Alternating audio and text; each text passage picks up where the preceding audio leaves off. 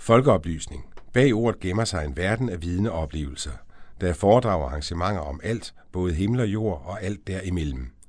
Men hvad nu, hvis der er et spændende foredrag i Skagen, og du bor på Falster, eller du bor i Haderslev, og der bliver afholdt et arrangement i Roskilde, om lige netop det emne, du interesserer dig for? Eller hvad nu, hvis du bare ikke lige har tid? Svaret er den elektroniske folkeoplysning, programmet du lytter til netop nu.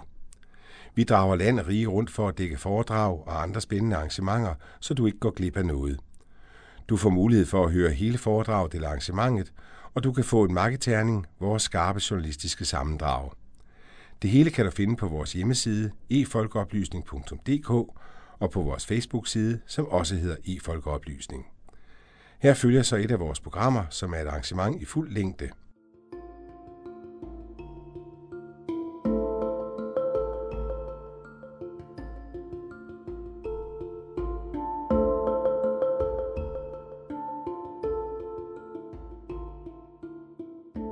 Jeg er kørt til Aalborg Katedralskole. Her sidder flere hundrede stadig søvnigt udseende gymnasieelever. Det er Vi vil Europa, der står bag arrangementet. Det er et netværk af erhvervsorganisationer og politiske partier, der alle vil bringe EU-debatten ud til danskerne. EU på skoleskemaet, og vi har været så heldige at få en masse dygtige politikere til at komme os og tale om vores EU og vores Europa. Fordi det er sådan, at øh, Danmark er medlem af EU, og EU er i Danmark. Det betyder, at der er rigtig stor øh, påvirkning fra EU, og vi påvirker EU rigtig meget. Så det er også vigtigt, at vi alle sammen ved noget om EU og diskuterer EU. Særligt, hvordan det relaterer sig her til Nordjylland øh, i Aalborg øh, og omegn. Så jeg har øh, fået nogle politikere med, og så har jeg fået øh, nogen med, som ved noget om, hvilke muligheder og hvilke udfordringer, der også ligger det, i det europæiske samarbejde. Fra Jeres venstre sidder Benjamin Holst. Han er direktør i Norddanmarks EU-kontor, øh, og han arbejder til daglig med sit team, både nede i Bruxelles og her i, øh, i Norddanmark, øh, med EU's udfordringer. Så er der Rasmus øh, Prehn, han er trafikordfører for Socialdemokraterne. Jeg hedder Søren, jeg er øh, moderator i dag. Jeg kommer fra initiativet Vi ved Europa, som gerne vil diskutere EU både her på skoler og i vores hjem og tage ud på roadtrip og undervise på skoler og institutioner og produktionsskoler og gymnasier og handelsskoler og alle uddannelsesinstitutioner, der er. Så er der Lisbeth Bæk Poulsen fra SF, og så er der Torsten Schack Pedersen fra Venstre, og Marianne Hjelved er en taxa, hun kommer til at sidde herover, øh, som er fra de radikale venstre. Øh, men jeg tænker lidt, at vi skal starte lidt med at høre lidt om øh, nogle af de udfordringer og muligheder, som er øh, her i Norddanmark fra Benjamin Holst. Ja, nu skal jeg lige se det over. Det virker vist fint. Ja, jeg hedder som sagt Benjamin og øh, er fra det lokale EU-kontor. Og øh, så sidder I jo nok og tænker, lokale EU-kontor, sådan et vidste vi slet ikke, vi havde. Øh, og det er faktisk også rigtigt, det er det ikke alle, der gør. Men øh, faktisk så er vi 13 mennesker ansat. Vi er seks, der sidder i Bruxelles. Her er to studerende, øh, typisk fra Aalborg Universitet. Fire fastansat konsulenter. Så sidder vi syv her i Nordjylland i Støvring. Og øh, det vi laver, det er, at vi prøver at bygge bro mellem øh, EU og Nordjylland, og det skal jeg nok komme med nogle gode, konkrete eksempler på, hvordan vi så gør. Sådan vores, øh, vores ejerforhold, det er, at det er de nordjyske kommuner og Region Nordjylland, der er i fællesskab øh, med Aalborg Universitet og UCN, er blevet enige om, at det var nok en god idé at have sådan et EU-kontor her i Nordjylland. Så det er dem, der ejer os og sat os i gang. Og det, der sådan lidt er ideen med at have sådan et EU-kontor, nu lyder det jo fint det der med at bygge bro til Europa, men det handler sådan set om at hjælpe Nordjylland med at blive internationaliseret, og så handler det om at skabe vækst og beskæftigelse og muligheder for både for unge og for gamle, og for virksomheder og for kommunerne. Og øh, det gør vi ved, at vi øh, har kendskab til rigtig, rigtig mange af de der konkrete ting, som EU laver. Fordi for os i sådan et EU-kontor, og faktisk også for de nordiske virksomheder, for UCN, for Aalborg Universitet og for kommunerne, så er EU i virkeligheden sådan lidt en hverdagsting. Det er ikke bare noget politisk, der popper op en gang imellem, når der er en, øh, en stor debat om Brexit eller Grexit, eller når der er folkeafstemning. Det er noget, der er her i vores hverdag i rigtig, rigtig høj grad. Det er noget, som fylder for virksomheder, det er noget, der fylder for kommuner. Det kan være, øh, når I får, øh, når I får varmet huset op derhjemme eller lejligheden, så kan det være, at det er med noget skrald, der er importeret fra England, som bliver brændt af i det lokale øh, varmeværk det er muligt, fordi EU på et tidspunkt har liberaliseret reglerne på affaldsområdet. Der kan være rigtig mange konkrete eksempler. Jeg skal nok prøve at give nogle flere af dem. Det vi oplever i EU-kontoret, det er, at øh, EU arbejder selvfølgelig som politisk organisation med en hel masse ting, som øh, EU-systemet rigtig gerne vil skubbe på. Det kan være noget med at løfte Europa i konkurrencen med USA og Asien.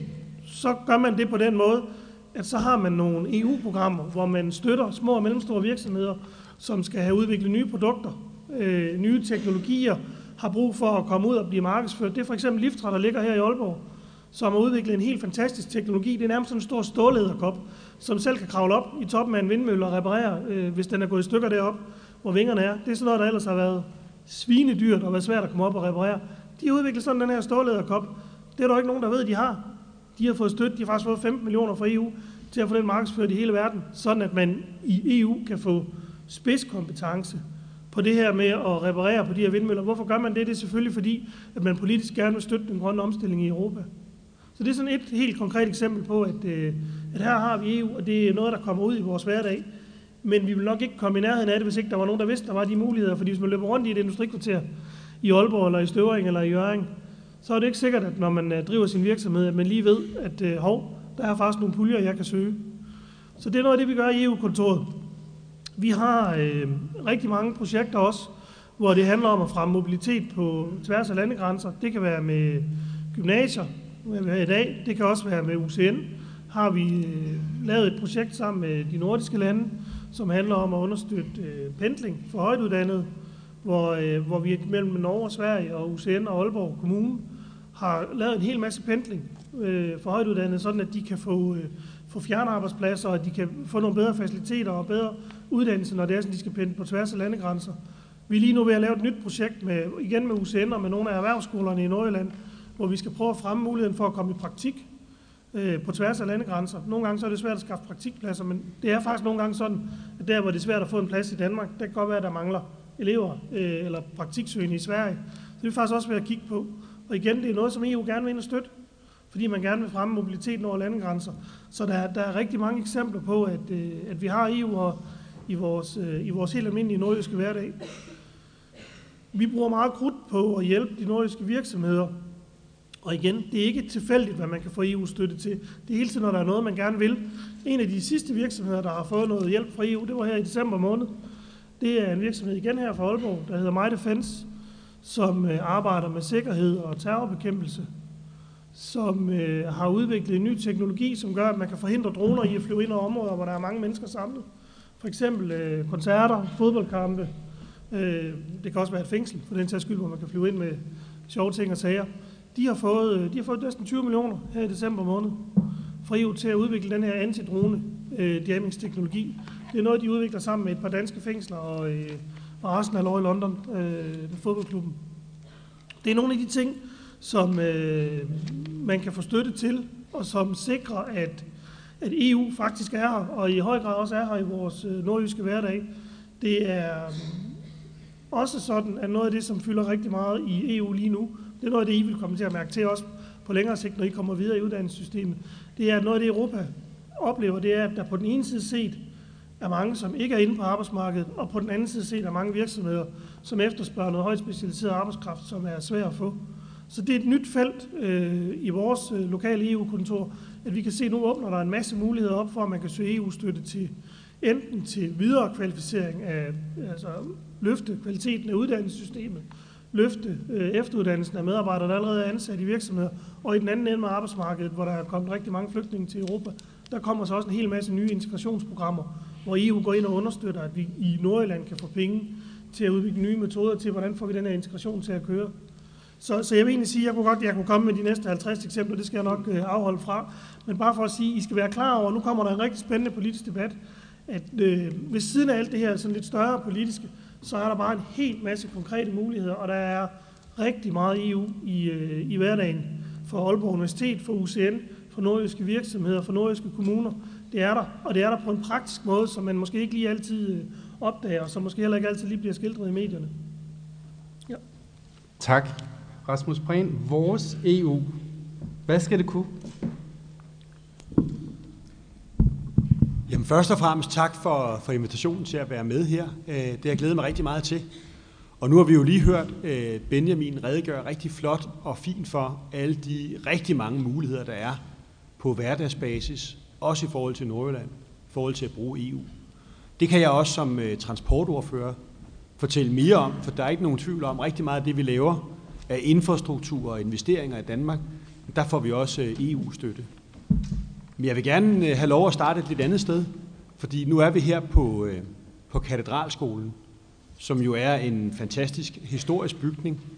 Og hvis væggene herinde kunne øh, tale, så er der rigtig mange historier at fortælle herindefra. Og noget af det, vi alle sammen øh, kender katedralen for, og som vi også, når vi bor i Aalborg, er en lille smule stolte over, det er jo øh, Churchill-klubben.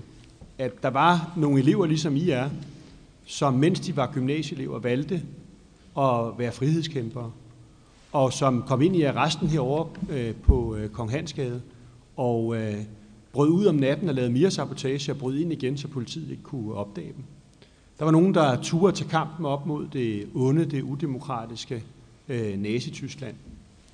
Og øh, selve navnet Churchill, det øh, refererer jo til den store britiske statsmand, som der er biografpremiere i øjeblikket på en fantastisk film, øh, Darkest Hour, som netop handler om den kamp, han gjorde for at sikre demokrati i Europa. Og EU er, og det skal vi jo huske på, det glemmer vi tit, fordi der er rigtig mange helt konkrete, gode ting, som også Benjamin har refereret til. Men EU er jo også fredens projekt. Altså det forhold, at vi samarbejder med hinanden, det forhold, at vi handler med hinanden, det forhold, at vi forsker med hinanden, det forhold, at jeg for eksempel, da jeg var universitetsstuderende, kunne komme til England på et Erasmus-projekt og læse sociologi op i Leeds i Yorkshire, det er også et udtryk for, at vi samarbejder, og når man samarbejder, så er det sværere at gå i krig med hinanden. Så er det sværere at have konflikt med hinanden. Og det er helt enestående. Vi har aldrig haft så lang en periode i Europa, hvor vi ikke har været i krig med hinanden. Og det er jo fordi, at vi samarbejder på, på tværs. Øh, så jeg synes, at EU er helt fabelagtigt godt på mange måder.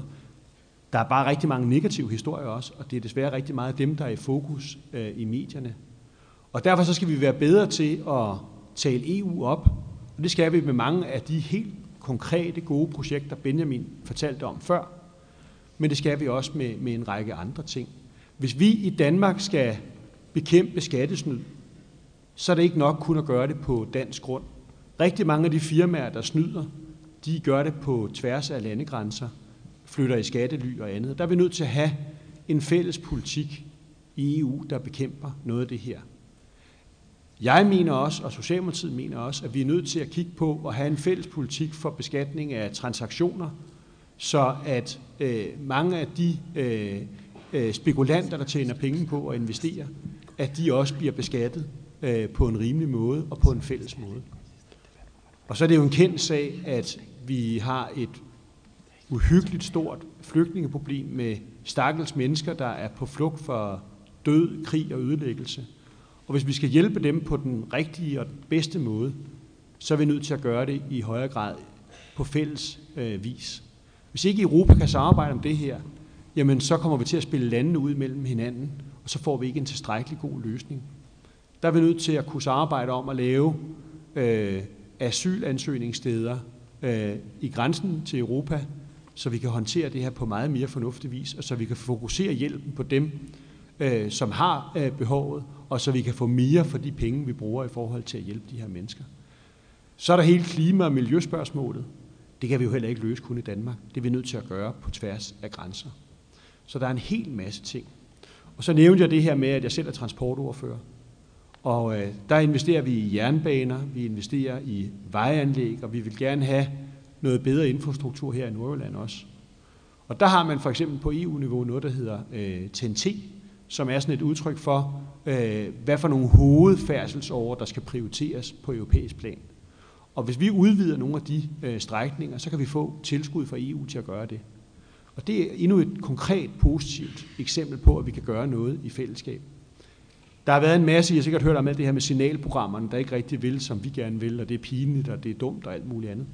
Men det, at vi skal have samme signaler på togene i hele Europa, Øh, det er faktisk med til at gøre, at vi kan få meget mere gods over på jernbane, sådan så vi kan få mindre trængsel på vejene, mindre partikeludledning, CO2-udledning osv., fordi vi kører med elektriske tog i hele Europa. Så selvom det er besværligt og træls, så er det også godt, at vi får flyttet noget transport fra det ene til det andet. Og derfor så er jeg stor tilhænger af EU, og det synes jeg også, I skal være. Det er jo ikke det samme som, at der ikke er problemer, og dem skal vi diskutere, og dem skal vi løse i fællesskab. Tak for ordet. Så tænker jeg, at jeg hopper herover til den anden side til Torsten Schack, og, øh, og vil gerne spørge lidt om, hvad skal, hvad skal EU kunne i Nordjylland? Og øh, så må du måske ansvare svare lidt på, hvad, hvad Rasmus lige har, har sagt. Om jeg vil egentlig øh, gribe bolden øh, i forhold til Rasmus' indledning, for det var faktisk øh, EU, der var årsagen til, at jeg valgte at, at gå ind i politik. Øh, jeg var stor tilhænger af det er sådan set stadigvæk af Uffe Ellemann Jensen, som var øh, udenrigsminister i Danmark fra øh, 1982 til 1993. Og øh, det er ikke sikkert, I, øh, I husker ham så, øh, så klart, som jeg gør, men han var øh, en kæmpe fortaler for et, øh, et stærkt europæisk samarbejde, og at Danmark skulle spille en, øh, en aktiv rolle i Europa. Og det synes jeg faktisk gav, gav rigtig god mening, og øh, det er der rigtig, rigtig mange grunde til. Altså det helt basale, som også Rasmus var inde på, det er, at hvis vi er dybt afhængige af hinanden, så er øh, sandsynligheden for, at vi så skaber konflikter med hinanden, ja, så er den betydeligt mindre. Og det var det, der var sige, den historiske begrundelse for, at man skabte et, et EF og nu et EU med, med de frie friheder, altså hvor øh, varer, tjenestydelser, kapital og arbejdskraft kan bevæge sig øh, frit rundt. Og det høster vi altså øh, ekstremt store gevinster af i hverdagen, og det er måske ikke noget, vi, øh, vi tænker så meget over. Virkeligheden er, at øh, det danske bruttonationalprodukt, det er 100 milliarder kroner højere på grund af vores øh, medlemskab af EU. En gennemsnitlig LO-familie i Danmark, ja, der er, øh, der er indkomsten 65.000 kroner højere, fordi vi er, er med i EU, og vi, øh, og vi samarbejder. Og det har selvfølgelig også øh, positive konsekvenser, når man ser på det med, øh, med nordjyske øh, øjne. Det, øh, det giver sig selv. Og det handler jo selvfølgelig en ting om, at, at dygtige virksomheder de skal konkurrere på lige vilkår med hinanden. Nogle gange, når vi øh, diskuterer forskellige forslag i Folketinget, så, så er der noget, der bliver afvist med begrundelsen om, at jamen, det vil også sikkert være i strid med EU's konkurrence- øh, eller statsstøtteregler. Og øh, nogle gange er det måske lidt et nemt øh, argument. Det er helt sikkert på Lisbeth, hun vil sige på, øh, på et, et forslag, vi diskuterede forleden, hvor, hvor det også var et, et argument. Men det er sådan set ret centralt, at når virksomheder konkurrerer, så konkurrerer de om at være dygtigst, og ikke hvem, der har den største statskasse i ryggen. Øh, fordi så kommer vi altså hurtigt til kort øh, i Danmark. Og nogle gange kan det selvfølgelig være besnærende, at vi kunne finde en eller anden øh, fixfax løsning herhjemme på et problem, hvor vi så hældte nogle, øh, nogle skattekroner i ryggen af det. Men hvis det var sådan en generel tendens, så bliver det altså vanskeligt for danske virksomheder at konkurrere, hvis, øh, hvis andre lande med en langt større økonomi end vores, de, øh, de hælder statskroner i ryggen af virksomheder, som også konkurrerer med nordjyske virksomheder. Så bliver det, så bliver det vanskeligt. Og en række problemer, jamen dem kan vi ikke løse øh, som enkeltstående nationer, dem skal vi løse i, i fællesskab. Øh, der har vi en, en stor tradition for at løse mange af vores miljøproblemer øh, på tværs af grænserne i EU, for det er øh, ikke ret mange miljøproblemer, som hvis vi alene gør noget ved dem i Danmark, så har det nogen nævneværdig effekt øh, generelt. Der spiller EU en, øh, en langt større rolle. Vi løser mange problemer på europæisk plan, og EU har også en stærk rolle øh, globalt. Der er selvfølgelig ting, hvor man kan sige, at, at EU burde løse opgaven bedre øh, end i dag grænseoverskridende problemer er jo også gået hen og blevet et, øh, et spørgsmål om øh, migration. Og der må man sige, der har, der har EU nok ikke øh, løftet opgaven i det omfang, som, øh, som vi havde forventet. Og det er selvfølgelig problematisk, når der er åbenbare ting, som, som EU skal tage sig af, som, som så ikke er blevet øh, håndteret. I forhold til det, som Benjamin øh, siger omkring, hvad der ligger af, af muligheder for, for virksomheder, og for studerende, så, øh, så er jeg meget enig. Øhm, og det rækker jo, øh, det rækker jo sine fangearme ind mange steder. Øh, hele det danske erhvervsfremmesystem, det er virkelig kompliceret. Himmelråbende kompliceret. Der blev lavet en analyse for et par år siden. Jeg tror, der var 458 honningkrukker, som virksomheden kunne stikke snabel ned i. Og de er alle sammen velmenende, og de er alle sammen lavet med det bedste formål. Men der er jo ingen, der har overblik over det. Det er vi i gang med at, øh, at reformere. Og en af de udfordringer, der er i det, det er, at vi faktisk skal have indtænkt, hvordan sikrer vi, at vi stadigvæk har adgang til europæiske programmer, som har betydning for vores virksomheder. Og det er klart, at, at det skal ses i en, en, en helhed. For jo, nogle ting har selvfølgelig et lokalt regionalt sigte, men, men det er for mig at se meget afgørende, at, at de her ting sker øh, måske med en større synlighed, end tilfældet er øh, ofte. I, øh, I tirsdag diskuterede vi et lovforslag om noget så usekset som forretningshemmeligheder, og så tænker jeg, hvad har det dog af betydning øh, for mig og for jer? Men det har det jo, øh, for når man forsker, når man udvikler nye ting, skaber produktudvikling, ja, hvis det skal være en god forretning, så skal man jo også være sikker på, at den viden og den know-how, man har opbygget, den er beskyttet, så nabovirksomheden ikke bare stjæler det, man har brugt 8 millioner på at udvikle. Og der har der øh, været vidt forskellige regler øh, rundt omkring i Europa omkring det. Det får vi nu lavet fælles, således at danske virksomheder de ved, at de er beskyttet lige godt, uanset hvor de opererer hen i Europa. Det er nok ikke særlig sexet, øh, men det har bare store implikationer for vores erhvervsliv, og dermed også for, om man har lyst til på Aalborg Universitet at indgå i forskningssamarbejder, om virksomheder mener, at det giver god mening at sætte medarbejdere og penge af til at udvikle idéer, som man kan se et potentiale i. Om det nødvendigvis gør det sådan særlig nærværende og særlig øh, nordjysk, det kan, det kan man selvfølgelig sagtens stille spørgsmålstegn ved. Men det er bare nogle af de grundvilkår, der er med til at sikre, at vi har et velstående samfund, som udvikler sig. Nu sidder vi her på, på Aalborg Katedralskole, og, og der er måske nogle af jer, der sidder og tænker, altså det er fint nok det der fredsprojekt. Altså, hvad har det egentlig at gøre med mig? Altså, nu sidder jeg og kigger ned i min øh, amerikansk producerede, eller kinesisk producerede iPhone, eller Samsung, eller et eller andet. Lisbeth, kan du ikke prøve at fortælle lidt om, hvad Lisbeth Bæk Poulsen fra SF, hvad, hvad har det der EU egentlig med os at gøre? Jamen nu var øh, Benjamin jo inde på nogle af de der konkrete øh, ting, øhm, øh, og det var, øh, det var Rasmus også. Altså, når man er, når man er ung øh, i Europa, jamen så kan man læse andre steder i Europa, øh, komme på udveksling, øh, Erasmus-programmet. Øh, som noget nyt, så kan man faktisk også, hvis man er 18 år gammel, komme øh, på en gratis interrail-tur øh, til sommer rundt i Europa, øh, for at, at lære nogle af de andre lande øh, at kende. Men jeg tror for mig, og jeg har måske, øh, måske tilhørt dem, som nogen vi kalde, altså i mangel af et bedre ord, EU-skeptikere. Altså ikke sådan en, der vil ud af EU, men en, der synes, der var mange ting, man godt kunne gøre, kunne gøre bedre. Og det, jeg, jeg synes stadigvæk, der er rigtig mange ting, man kan gøre bedre. Men jeg må også sige, at øh, efter Trump, efter Brexit, efter al den her us, øh, usikkerhed, der er i verden, så i den grad, øh, altså i højere grad, fået øjnene op for, at det at være et fællesskab i Europa, også som et boldværk mod nogle af de ting, der foregår ude i verden, at det er bare super, super vigtigt, fordi at vi er et lille land. De ting, vi kan håndtere politisk, de ting, vi vil beslutte og bestemme, som, vi, som giver mest mening at gøre lokalt i Aalborg eller i Nordjylland, Danmark, det skal vi gøre.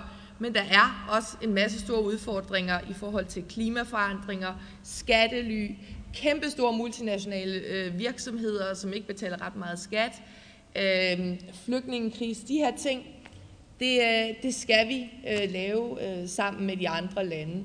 Og dermed så man sige, EU er et fredsprojekt, ja, men når man er ung, så kan man jo ikke huske, at det har været et issue, om der var øh, fred eller ej. Derfor for mig at, er EU lige så meget også sådan et, øh, et fællesskab. Altså, jeg har jo måske øh, hvad skal man sige, mest solidaritet med dem, der er tæt på mig, eller som man, man minder om. Men jeg kan da også nogle gange, når jeg rejser rundt i andre europæiske lande, også føle øh, et fællesskab med, med dem. Og der vil jeg sige, øh, øh at der er nogle ting, vi skal forbedre i EU. Jeg synes, der var, øh, man behandlede de sydeuropæiske lande alt for dårligt lige efter krisen. Altså, der var ikke nok solidaritet med dem. De havde halvdelen af de unge, der var arbejdsløse. Der er bare nogle ting, man skal rette op på, for at alle øh, i EU kan se, her der hjælper vi altså hinanden, også når det bliver rigtig svært. Lige nu der er der øh, nogle østeuropæiske lande, blandt andet øh, Polen og Ungarn, som er ved at afmontere sådan nogle grundlæggende demokratiske frihedsrettigheder. Og der synes jeg også, man bliver nødt til at sige på et tidspunkt, hertil og ikke længere. Fordi hvis vi ikke kan være et fællesskab, hvor at man holder demokratiske frihedsrettigheder højt, øh, retsstaten osv., jamen øh, så, så må man altså også øh, bank, banke i bordet til dem, øh, der, øh, øh der er ved at, at ødelægge nogle af de ting. Det synes jeg specielt øh, et land som, som Ungarn er. Så man må også stille nogle krav til hinanden. Men jeg synes, at det, at vi både af hensyn til vores økonomi, i hensyn til, at man kan rejse øh, ud, bo andre steder i Europa, at man holder fast i, i nogle fælles værdier, er blevet sindssygt meget vigtigere i forhold til det, der bare er sket de sidste par år. Med Trump, med Nordkorea, med Putin, øh, med, med alle de her ting. At det er det altså vigtigt. Øh, det, vi kan ikke bare tage det for givet, at øh, øh, fred og velstand, øh, demokrati osv., at det bare er der per automatik. Det synes jeg i hvert fald, at det har jeg tænkt meget over de, de senere par år. Men det betyder jo ikke, at vi ikke skal gøre de ting øh, bedre i, øh, i EU, som, øh, som, ikke virker, øh, som ikke virker godt nok. Øhm, og så vil jeg bare lige en afsluttende bemærkning. Nogle gange, og det hørte jeg også lidt Thorsten sige, så er der altså nogen, der bruger EU lidt som en syndebuk. Altså, det er fordi, EU er så byråkratisk. Der er altså færre ansatte i EU, end der er i en dansk kommune øh, direkte. Eller det er EU's skyld, eller EU's statsstøtteregler, eller så videre. De ting, som er vores ansvar, jamen det skal vi også tage på os. Bare et helt konkret eksempel.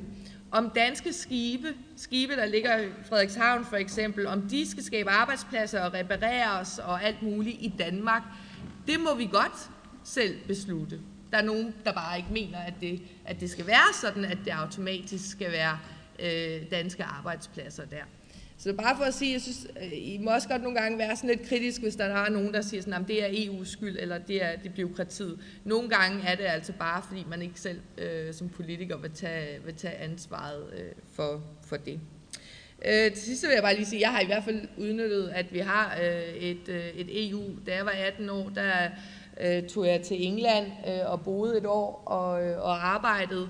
Og det var jo super nemt. Jeg tog også til Spanien øh, og, og arbejdede. Øhm, så der er nogle ting, vi ligesom tager for givet, at det er meget nemt.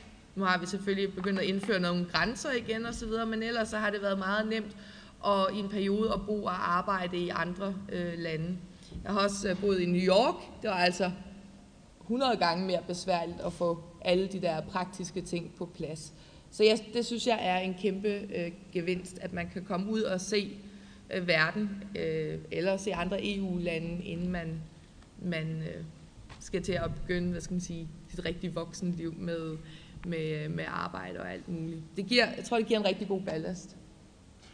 Marianne Hjelved, du har siddet i, uh, i Folketinget siden 1987, så du har jo set en del, du har hørt en del. Hvad, hvad tænker du om det, som Lisbeth Bæk Poulsen her siger? Jeg har noteret mig, at Lisbeth indledte med at fortælle, at hun i hvert fald havde været EU-skeptiker af flere forskellige grunde så skrev jeg lige ned, jeg er faktisk hele tiden regeringsskeptiker. Mm. Fordi jeg synes, den regering, vi har, kunne gøre tingene meget, meget bedre. Jeg bruger det bare som et billede på, at vi selvfølgelig skal man være skeptisk over for ting, der sker omkring en. Mm. Man skal være kritisk. Det hører med til demokratiet. At man er det, fordi man jo hele tiden gerne vil prøve at gøre tingene på en måde, som er mere rigtigt, end det ellers bliver. Og det er jo, jeg har jo været med, kan man sige, i en periode i Europas historie, og været voksen i den periode, hvor der faktisk er sket nogle kolossale ændringer. Så det der med, at krigen ikke er der, jamen den er lige uden for vores dør. Vi har faktisk soldater rundt omkring i verden, fordi der er krig i verden. Også en krig, som påvirker os. Og hvor det er en fordel, at vi er fælles med nogle andre om at have samme holdninger til, hvad vi gør i den situation. Vi har også haft krig i eks-Jugoslavien, og har været med til at bombe dem, der lavede overgreb på alle mulige mennesker, forfærdelige ting, hvor vi må tage stilling til det. Og det gør vi jo i fællesskab med andre lande. Fordi vi kan ikke klare os uden et fællesskab, og det vil også være dødhammerne kedeligt, hvis ikke vi havde fællesskaber. Bare forestil jer jer, hvis I ikke havde nogen fællesskaber her på katedralskolen, så ville det være hammer kedeligt at være Vi er jo ikke i samme partier, men vi har nogle rigtig gode samarbejdsrelationer i Folketinget, fordi vi er fælles om at skal løfte nogle problemer. Og det har lærerne her på stedet jo også. Så vi, det er bare et fællesskab, som er større end det, vi kunne få, hvis vi kun er os selv. Og alle har fordel af det fællesskab. Så, og vi ved aldrig, hvad der sker. Altså, jeg glemmer simpelthen aldrig dengang, vi så de her fly, der fløj ind igennem de to høje tårne i New York. Jeg sad på mit kontor i Københavnsstedet, der kom en medarbejder farne ind og tændte mit fjernsyn og sagde, prøv lige at se der, se hvad der sker, se hvad der sker. Så jeg så det andet fly, flyende, og jeg tænkte, ingen kunne fatte, hvad der var, der skete. Men der kom en total ny krig ind på vores hjemmebane, om man så må sige, for det rammer jo også os, at den terror, som nu er udviklet, begyndte jo der. Så det er, verden er ikke sikker, og derfor er det rigtig godt at have store fællesskaber. Benjamin Holst, hvor er det, du ser sådan nogle af de udfordringer inden for, for, for dit samarbejde? Ikke politisk, men mere sådan strukturelt, øh, når, når, når I skal ud og hente penge til, til Norddanmark, eller når I skal ud og tale øh, Nordjyllands sag? Jeg tror sådan set, at vi har to udfordringer. Øh, det ene er, at vi kæmper med en øh, enorm mængde fordomme. Jeg tror, vi har to mikrofoner. Vi kæmper med, at der er rigtig, rigtig mange fordomme omkring det her med EU og EU-projekter. Øh, det er snakken om alt det her med byråkrati. Det er faktisk ikke sådan. Det er, rigtig, det er blevet rigtig, rigtig, rigtig meget nemmere at være en øh, skole eller en virksomhed, som går med i et EU-projekt. Der, men det er bare en kæmpe fordom. Altså nu, Torsten nævner også den der, det der fuldstændig vanvittige, kakofoniske erhvervsfremsystem, der er i Danmark, med, det, hvor man er knaldforvirret som virksomhed, fordi der er så mange forskellige tilbud. Og hvis man så kommer rende og banker på døren og siger, nu skal vi høre, men vi har også noget til dig fra EU, så starter hele fordomsmøllen. Den skal man lige arbejde sig igennem. Det er en af udfordringerne. Øh, og den er stor. Og den anden udfordring, det er simpelthen, øh, for, for vores kontor, det er simpelthen at få udbredt kendskab. Det er simpelthen at få udbredt kendskab til de muligheder, der er. De er fantastiske. Øh, der er mange af de her øh, tilbud, der er fra EU, som øh, passer lige nøjagtigt ind i en masse nordiske styrkepositioner. Rasmus nævner hele det her trafikområde.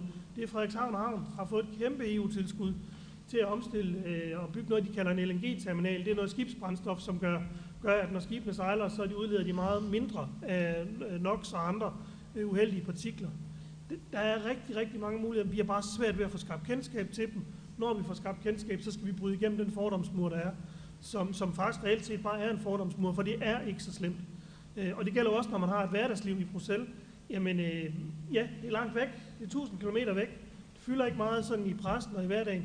Men der er ikke nogen, altså kom i Europaparlamentet, kom i Europakommissionen, der er ikke nogen, der siger nej. Man siger, ved I hvad, vi er fra Nordjylland, vi kunne godt tænke os at snakke og høre lidt mere om det her. Så siger de alle sammen, I er så velkomne. Så, så vi, vi, øh, vi kæmper mod, at der er nogle fordomme, og vi kæmper mod, at, øh, at der er så mange tilbud, at det er faktisk svært også nogle gange at få reklameret for de her ret spændende EU-muligheder. Og så er der jo også nogle, nogle fantastiske medlemmer af Europaparlamentet, som vi jo også stemmer til, som man jo også kan tage fat i derudover, som kommer også fra mange af de partier, vi har her, som et eller andet sted også er meget vigtigt at, at få sat fokus på. Og også en af grundene til, at vi laver det her VV Europa-projekt, det er, at, at vi synes også, at, at, øh, at EU bliver næsten oftest kun talt om i rigtig store forsamlinger, når der er valg til Europaparlamentet. Og mange af jer er jo gamle nok til at skulle stemme, når vi skal stemme næste gang i 2019. Så I skal jo også til at tage stilling til, hvad er det for et EU, vi vil have? Hvad er det for et Europa, vi vil have? Helt grundlæggende. Og det er jo derfor, det er så vigtigt, at vi, at vi taler om det. Det er også vigtigt, at vi nogle gange stiller de dumme spørgsmål og siger, jeg forstår simpelthen ikke, hvad det er, der bliver sagt lige nu i den, i den her, både i samfundsvægstimer, men også til politikerne her. Hvad, hvad er det? Øh, hvad, hvad handler det her egentlig om? Har det overhovedet noget med mig at gøre? Torsten? Jo, der er, øh, der er Marianne og jeg jo et godt eksempel. Altså, øh, vi... Øh, det er nogle år siden, vi sidst har øh, siddet i, eller vores partier har siddet i regering sammen øh, i Folketinget. Men i EU, der tilhører vores partier den samme gruppe. Så øh, stemmer man på, øh, på de radikale, eller stemmer man på Venstre, ja, så stemmer man altså på øh, et medlem af, af det, der hedder ALDE-gruppen i Europaparlamentet. Fordi med europæiske briller, så er der altså langt mere, der, øh, der samler øh, det radikale øh, og venstre, end, øh, end der skiller os ad. Og det er måske egentlig vigt, lidt væsentligt at, at lige understrege, at øh, som liberal, så er jeg ærkemodstander af socialisme. Og når øh, Lisbeth stiller et ærkesocialistisk forslag i Folketinget, så bekæmper jeg det med næb og klør. Og hvis Lisbeth så får det vedtaget, så synes jeg jo ikke, at Folketinget øh, og det danske folkestyre det er komplet åndssvagt. Så er der bare truffet en tåbelig beslutning, set med mine øjne. Og sådan er det også med EU. Altså, jeg synes, EU er en fremragende institution, øh, men EU, der er der altså også nogle gange, hvor jeg oplever, at dem, der har mit synspunkt, de kommer i mindretal. Og så træffer man, set med mine øjne, tåbelige beslutninger i EU. Men det betyder jo ikke, at EU ikke er en god idé. Og det er måske lidt det, vi er for dårlige til i den danske debat, det er at diskutere, jamen, hvad er det så politisk, vi skal bruge EU til? Altså, hvad er det, vi skal regulere? Hvad skal landene selv tage sig af? Og hvis vi skal regulere, hvordan skal det så gøres? Og, og der savner jeg lidt mere, at, at Lisbeth og jeg kan diskutere, så der er nogen, der gider interessere sig for det og lytte efter, om nogle uenigheder på, øh, politiske uenigheder på europæiske spørgsmål, hvor det så er det, den politiske uenighed, der er i fokus mere end, jamen du er sikkert også egentlig imod, og ja, ja, du er også bare for. Det, det synes jeg er væsentligt, at ligesom vi øh, kæmper politiske kampe med næb og klør i øh, kommunalbestyrelser, regionsbestyrelser og i Folketing, så gør vi det også i EU. For selvfølgelig, at fordi man synes, EU grundlæggende er en god idé, det betyder jo ikke, at EU kun træffer gode beslutninger set med mine øjne. Så det er, hvordan, hvor meget og hvor langt mere end det er ja og nej? Præcis, fordi EU er en, en rigtig god institution, men enhver beslutningsdygtig organisation og forsamling kan både træffe gode og dårlige beslutninger. Og det bliver institutionen ikke dårlig af. Og, og der er der desværre alt for lidt fokus på nogle af de daglige kampe, der er i Europaparlamentet mellem de, øh, de store øh, politiske grupperinger, socialdemokrater, konservative, liberale og de grønne vel som, som de fire største. Det fylder uendelig lidt. Så bliver det sådan i stedet for en, misforstået øh, oversættelse eller en tolkning af, om man nu skal til at lave øremærkning af, øh, af fisk, hvis de skal transporteres. Og så synes vi alle sammen, halleluja, hvor er de dog stupide nede i EU. Når det så i øvrigt vist nok viser, at det bare var en dansk fejloversættelse. Men der er det da mere interessant at diskutere, jamen hvad er det, vi bruger det til? Altså, hvordan bekæmper vi øh, hvidvask mest effektivt. Gør vi det ved at lave en, øh, en meget rigid lovgivning, som vi er, er ved at gennemføre herhjemme i øjeblikket, hvor jeg skal indberette til mit pengeinstitut, øh, hvor kommer de kontanter fra, som min søn han indbetaler to gange om året, når han tømmer sin sparegris. Det, det synes jeg måske er en kende for nidkært. Men omvendt ved jeg jo også, at vi, vi har jo eksempler på, at øh, også pengeinstitutter med rødder til Danmark har øh, været alt for lidt sindige, når de har ageret i Letland, og når man kigger på politikere i Italien. Og så må man sige, så er det jo ikke, så er det jo ikke godt nok, det vi har. Øh, og der er vi jo enige om, at der skal gøres noget, men spørgsmålet er, om vi så lige har ramt den, den helt rette balance. Rasmus Prehn, hvor langt skal vi med det her EU? Jeg synes, vi skal, vi skal langt, for der er brug for, at vi samarbejder, men vi skal jo selvfølgelig også langt i den rigtige retning. Og der er jeg jo fuldstændig enig med Torsten i, at det her det handler jo ikke om for eller imod, men det handler om, hvad for en retning vi skal i. Øh, og der, øh, der er simpelthen brug for, at der er nogen, der tør at sætte nogle dagsordner, som trækker i den rigtige retning øh, i EU. Øh, og der synes jeg, som socialdemokrat, at der har været alt for meget liberalistisk fokus i EU øh, i de senere år, hvor det er alt for meget øh, fuldstændig øh, kynisk markedsøkonomi, der, der styrer det hele, og hvor at øh, EU kommer til at virke som en, en motor for social dumping, hvor at øh, lønmodtagere for de lavest lønnede øh, øh, lande kan søge arbejde i nogle af de andre lande, og så være med til at trykke lønnen øh, i bund. Og der burde vi arbejde mere sammen solidarisk i forhold til at sikre nogle ordentlige øh, lønmodtagerrettigheder, øh, og at vi ikke bruger det som en skrue til at trykke øh, lønnen. Øh, det mener jeg er afgørende. Der har vi jo blandt andet på transportområdet, som jeg sidder med, øh, arbejdet tættere og tættere sammen i forhold til at få bedre regulering af det, der hedder kapotageregler, som er sådan nogle regler for, hvordan man må køre lastbil i hinandens lande og sådan nogle ting. Det er jo rigtig fornuftigt, at man kan køre på tværs, og man også kan køre ekstra ture, når man alligevel er i Danmark. Det skal bare ikke bruges som en øh, skrue til at få, få trykket lønnen i, i bund. Der er man ved at lave nogle nye spilleregler, sådan så man sikrer, at der er ordentlige og anstændige øh, lønvilkår. Og også at nogle af dem, som øh, der bliver tvunget til at, at bo på en resteplads og øh, bo der i ugevis, at, at, at de øh, får nogle muligheder for at få lønnen op på et niveau, hvor det ikke er det, der er, er, er situationen. Så bliver der sagt det her, jamen det her med fredens projekt, det er jo langt væk, og det er mange år siden. Ja, det er jo rigtigt nok til dels. Men øh, hvis man følger lidt med i, hvad der foregår i Sverige i øjeblikket, så er de svenske myndigheder jo ude og opfordrer svenskerne til at gå i beredskab i forhold til truslen fra Rusland. Det er jo sådan, at de svenske myndigheder opfordrer øh, svenskerne til at købe forråd ind øh, og tænke i strategier for, hvad de skal gøre, hvis det er, at de bliver besat af russerne. At have tilstrækkeligt med kontanter til at kunne købe de øh, varer, de skal bruge i en række uger. Ikke at kunne regne med, at man kan bruge dankort. Øh, med også at have indkøbt dåse med og så videre, så videre. Og det er jo altså så nogle fordi... situationer, som, som, øh, som øh, vi havde i 50'erne, da vi var bange for den kolde krig. Og det er jo så fordi Sverige og Finland ikke er med i NATO. Ja, det er så på grund af det med NATO.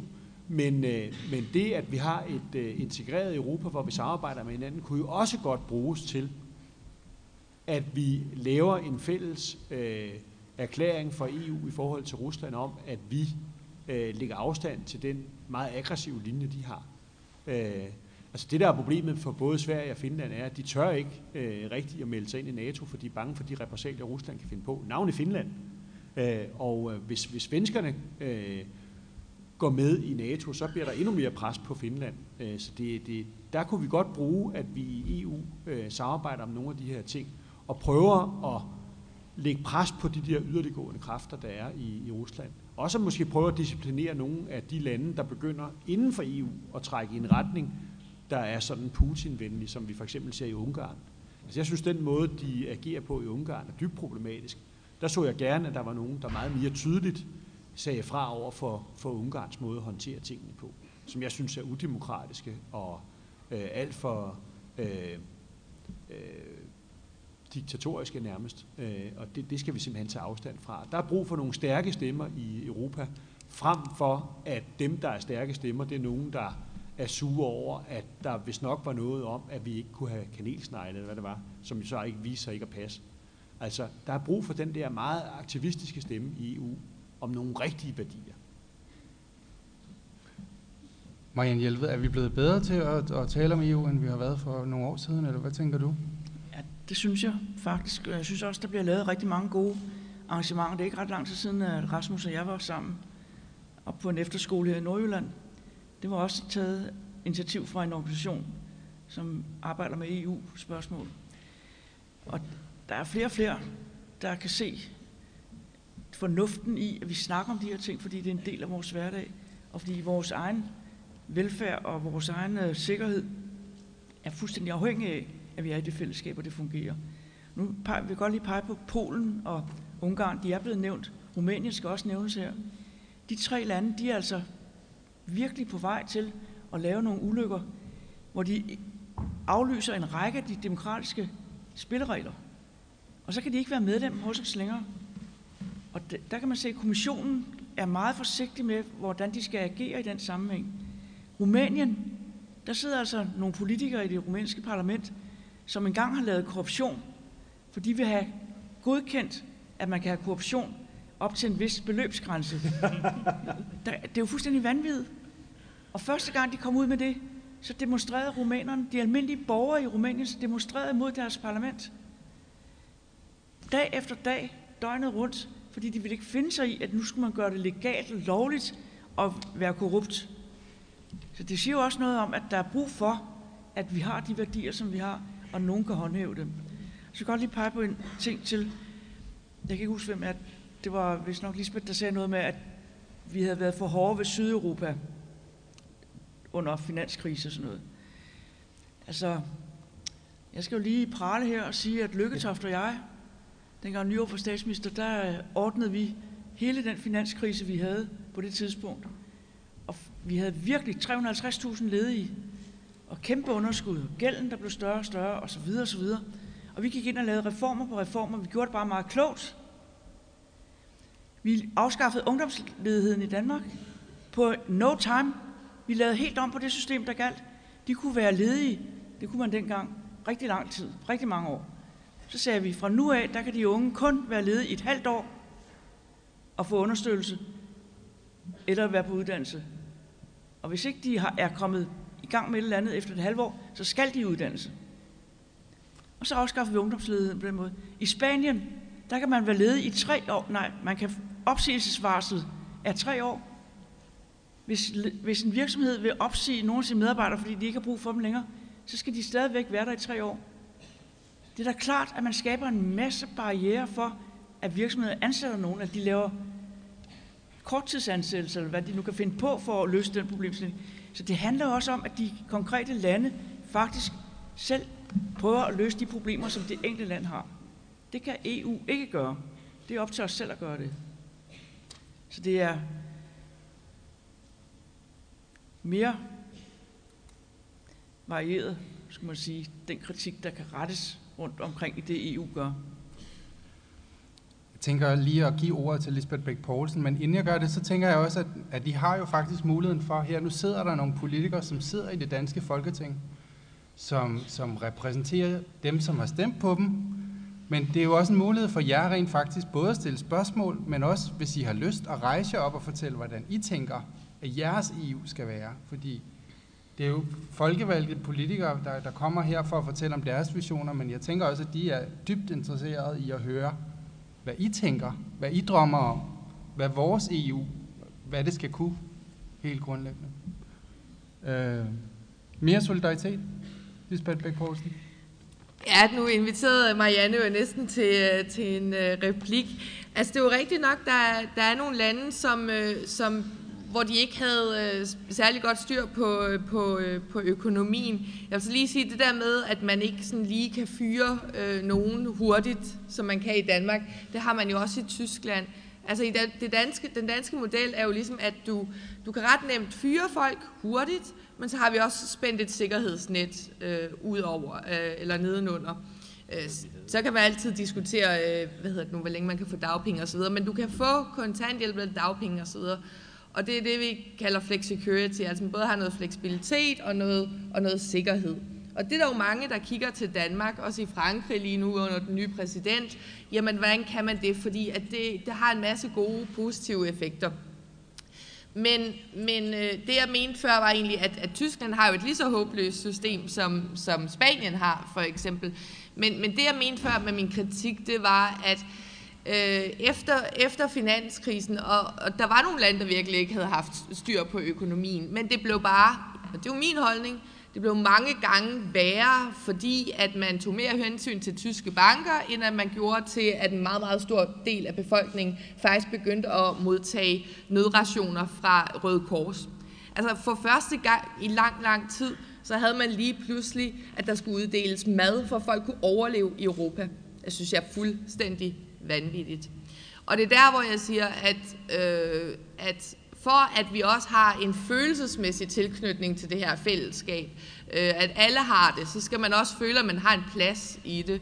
Øh, og det er klart, at hvis du er 25 år i Spanien, og der er ikke et eneste job at få, der er ikke noget sikkerhedsnet, du bliver nødt til at flytte hjem til dine forældre, øh, og, og du synes, at, at de krav, der, der kommer til, hvor meget staten skal spare, øh, Øh, at de er for hårde, jamen så, så går det ud over altså, den følelse af fællesskab, at når det går galt, så hjælper vi hinanden.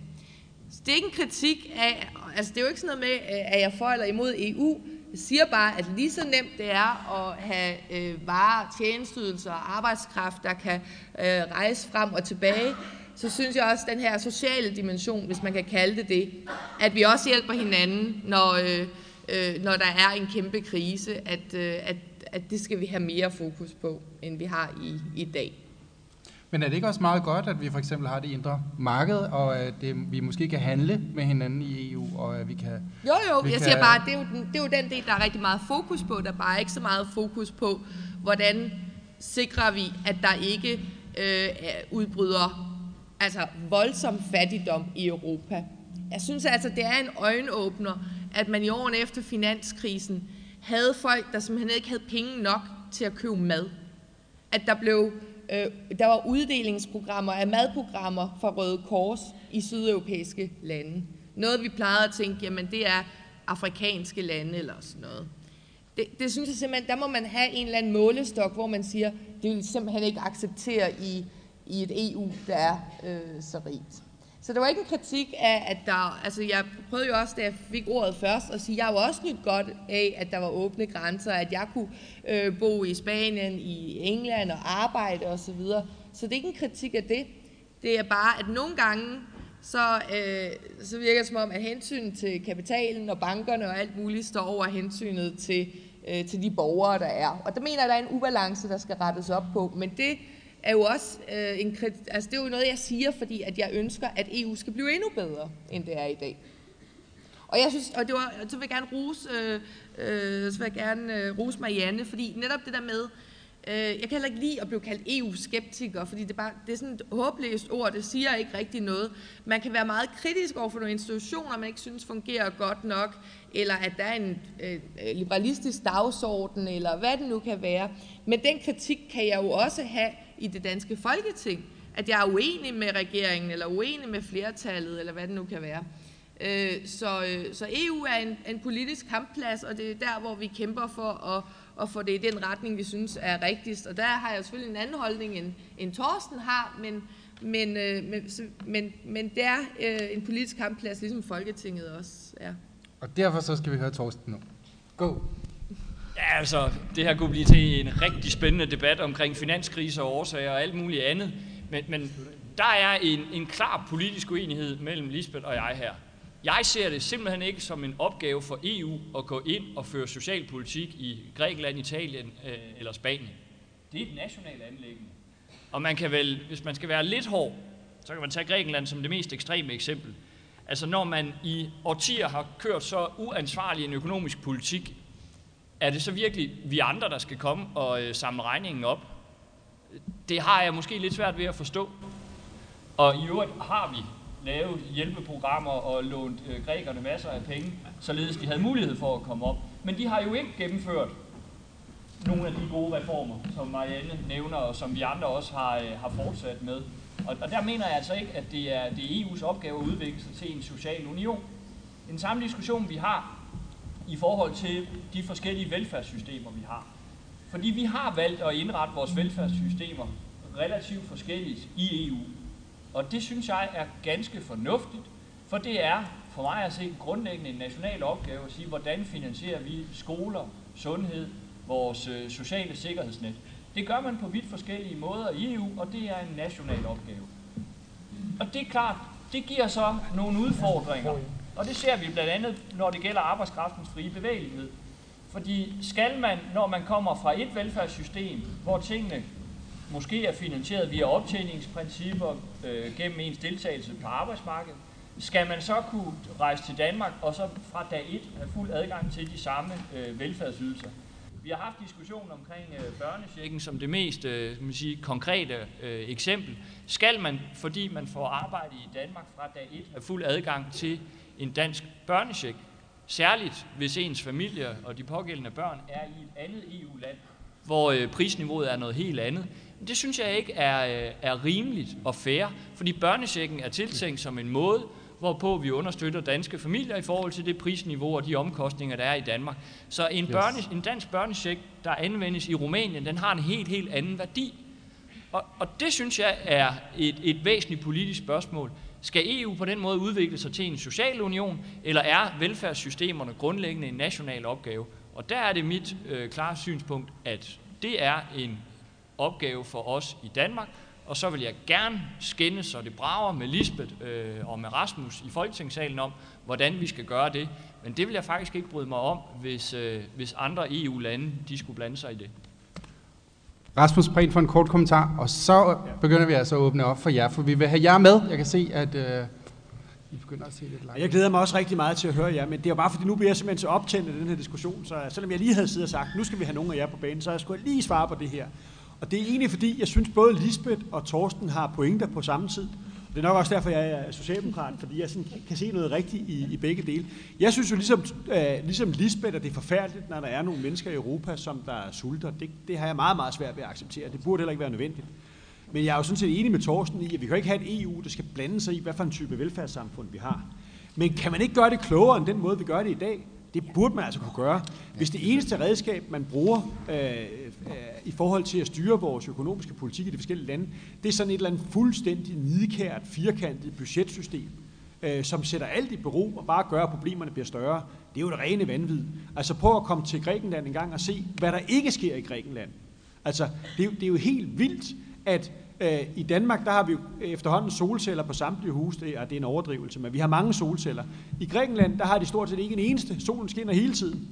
Altså, hvorfor har vi ikke et system, der gør, at når der så er krise i et land som Grækenland, så er der nogle puljer, der gør, at nogle af de eksperter, der er i Danmark, nogle af de dygtige håndværkere, der er i Danmark til at sætte de her solceller op, at de bliver aktiveret i forhold til at hjælpe grækerne med at bygge det her op, så de kan få bedre klima, bedre miljø øh, og spare en masse penge og i øvrigt sætte nogle folk i beskæftigelse. Det er da tudetosset, at EU ikke har nogen systemer for det.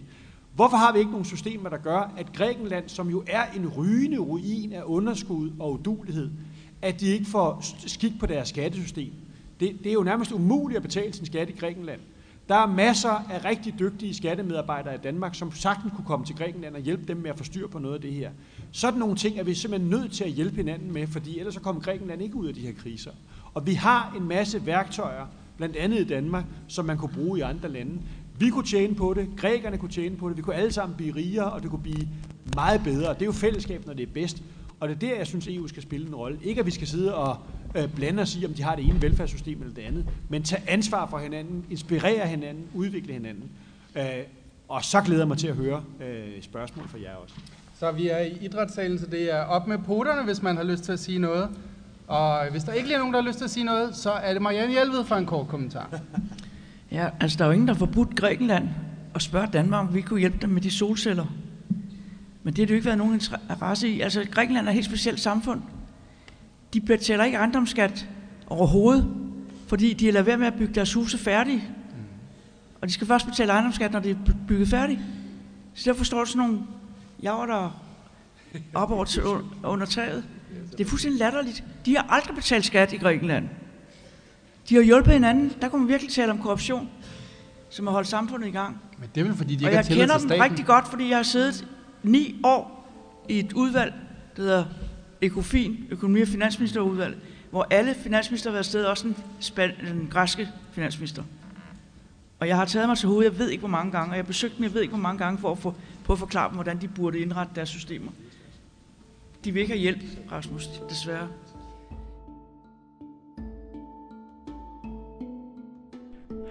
Sådan lød Marianne Hjelveds slutsalut om grækernes manglende evne til at betale skat og oplæggende på Aalborg Katedralskole, inden eleverne får lov til at stille spørgsmål. Det her var det første arrangement ud af rigtig mange, som fremover vil blive afholdt over hele landet. Du kan finde oplysninger om f.eks. det næste arrangement på Vi vil Europas hjemmeside. Den hedder Vi vil Europa ud i en kø og så .dk.